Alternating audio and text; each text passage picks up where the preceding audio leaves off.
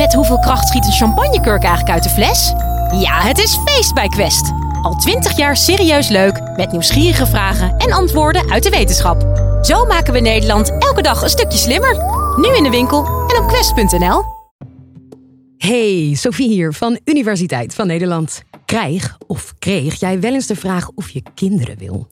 Nou, dat gaat natuurlijk helemaal niemand iets aan. Maar wat doe je als je een relatie hebt en je wilt het over een kinderwens hebben? Of juist over het totale gebrek aan die wens? Zo'n gesprek kan behoorlijk lastig zijn. Hoe je het aanpakt hoor je van onderzoeker Billy de Haas van Rijksuniversiteit Groningen.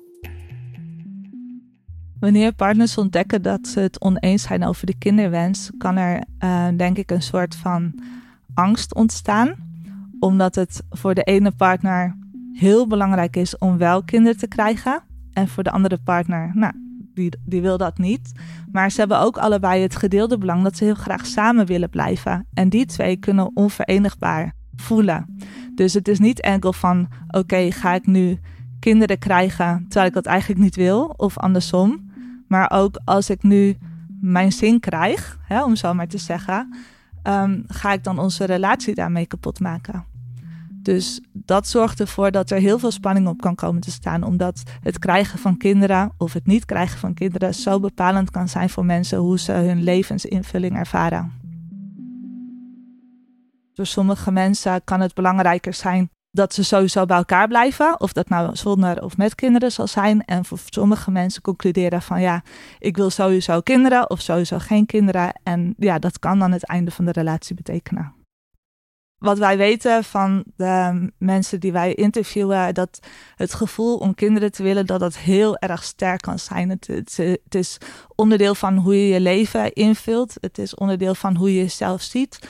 Het kan ook heel sterk een wens zijn om je eigen genen door te geven, bijvoorbeeld. Of om je eigen normen en waarden door te kunnen geven.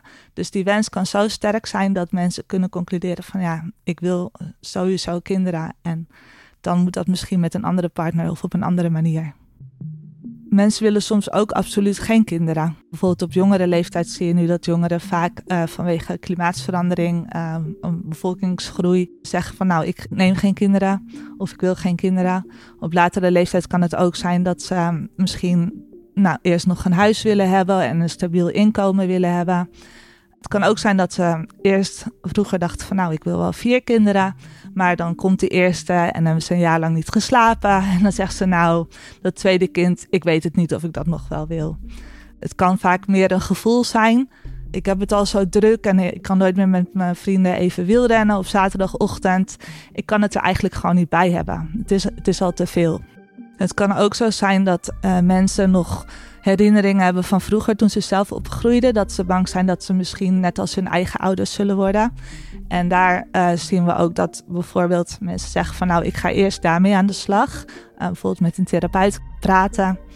En als dat dan opgelost is, hè, dat ze dan die angst niet meer voelen en zich bijvoorbeeld wel klaar voelen om ouder te worden. Vanuit mensenrechtenperspectief zeggen we eigenlijk van elk persoon, elk individu moet voor zichzelf kunnen bepalen of ze kinderen willen, hoeveel kinderen ze willen en wanneer ze kinderen willen. En het is dus heel erg interessant om dat dan bij een koppel te bekijken, want dan ben je ineens met z'n tweeën. En wat als inderdaad de ene persoon het wel wil en de andere persoon het niet wil? Wat gaat dan de uitkomst zijn? Uh, wie wint er, zou je kunnen zeggen? Wie heeft er meer macht in de relatie om dit te bepalen? Uh, dit is wat wij uh, onderzoeken.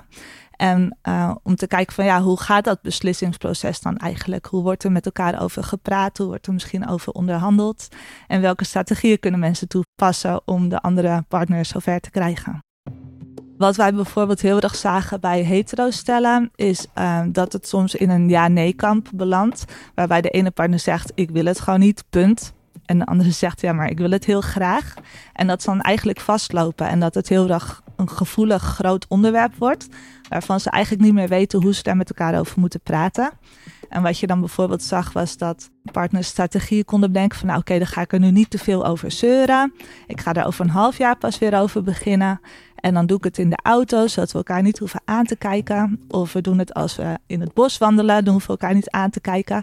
Dus dat er helemaal op die manier over werd nagedacht hoe dat dan aan te gaan. En ik denk vooral vaak de partner die graag de kinderwens had, dat die elke keer weer dan strategieën bedacht om het er dan weer over te kunnen hebben.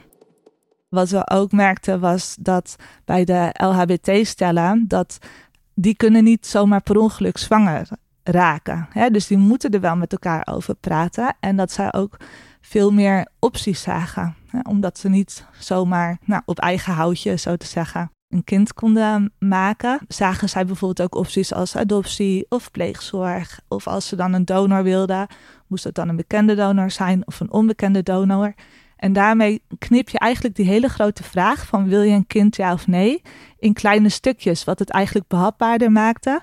En wat hun ook beter in staat stelde om samen verschillende scenario's door te spreken. Waardoor ze minder een ja-nee situatie kregen, maar meer ja, samen konden twijfelen. Wat ook heel interessant was, was de rol van de omgeving. We merkten dat vaak toch een bepaalde verwachting is dat bijvoorbeeld hetero stellen kinderen zullen krijgen. Maar wat bijvoorbeeld ook zo was, dat bij um, biseksuele mensen, dat die ook de ervaring hadden dat toen zij nog in een relatie met een man waren, dat de omgeving die verwachting had en dat ze zelf ook die verwachting hadden. Maar toen die relatie uitging en ze later een relatie met een vrouw kregen, dat ineens niemand meer verwachtte dat zij kinderen zouden willen. En dat dat heel veel vrijheid gaf om eigenlijk voor zichzelf te bedenken van, oh, wil ik eigenlijk kinderen en hoe zou ik dat dan willen? En dat dat dus, ja, onbewust veel meer vrijheid gaf ineens om echt zelf na te denken wat hun kinderwens dan zou zijn. In ons onderzoek hebben we uh, mensen in de begin 20, eind 20, 30, 40 gesproken, dus echt van verschillende leeftijden. En ik denk dat het in al die levensfases kan spelen, behalve dat als mensen nog begin 20 zijn, dat ze het gevoel hebben dat ze nog heel lang de tijd hebben. Dus als zij misschien wel het idee hebben van, nou, ik weet niet helemaal zeker of we op, op dezelfde lijn zitten, dat ze het gesprek nog even voor zich uitschuiven. Maar dat daar dus eigenlijk het gevaar in zit dat ze dan, als ze 35 zijn, de biologische klok begint te tikken, het huis is gekocht, dat het dan nog heel moeilijk is om dan nog dat gesprek met elkaar aan te gaan en er goed uit te komen.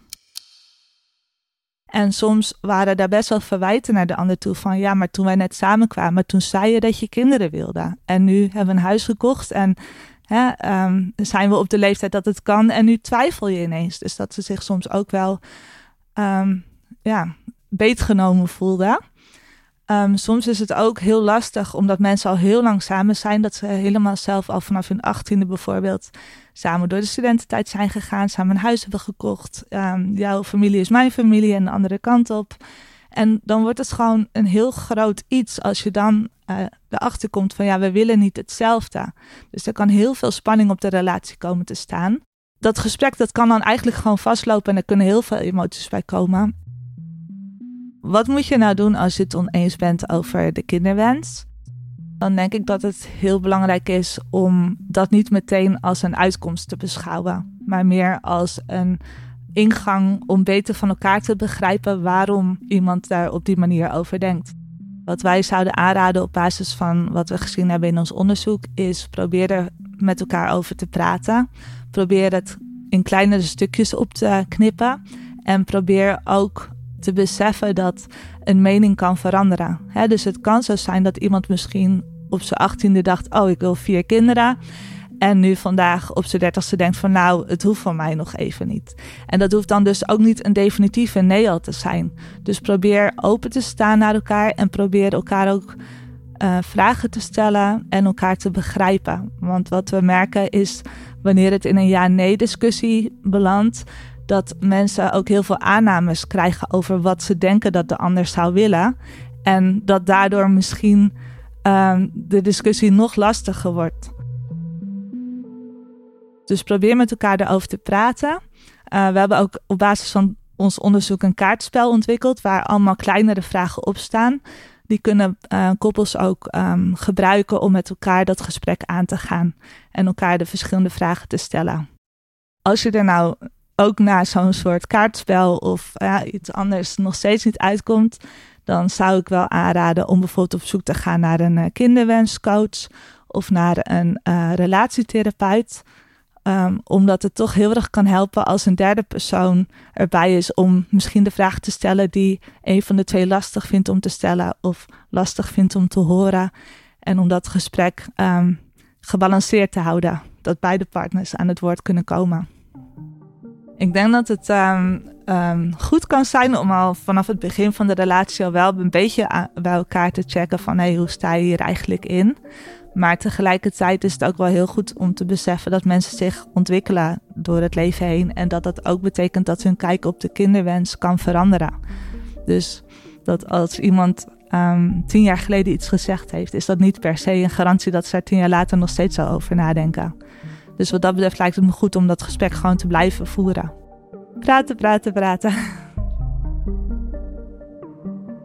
En jij, lieve luisteraar, krijg je nou geen genoeg van onze podcast? Dan heb ik goed nieuws, want we hebben er nog veel meer voor je. Tot de volgende!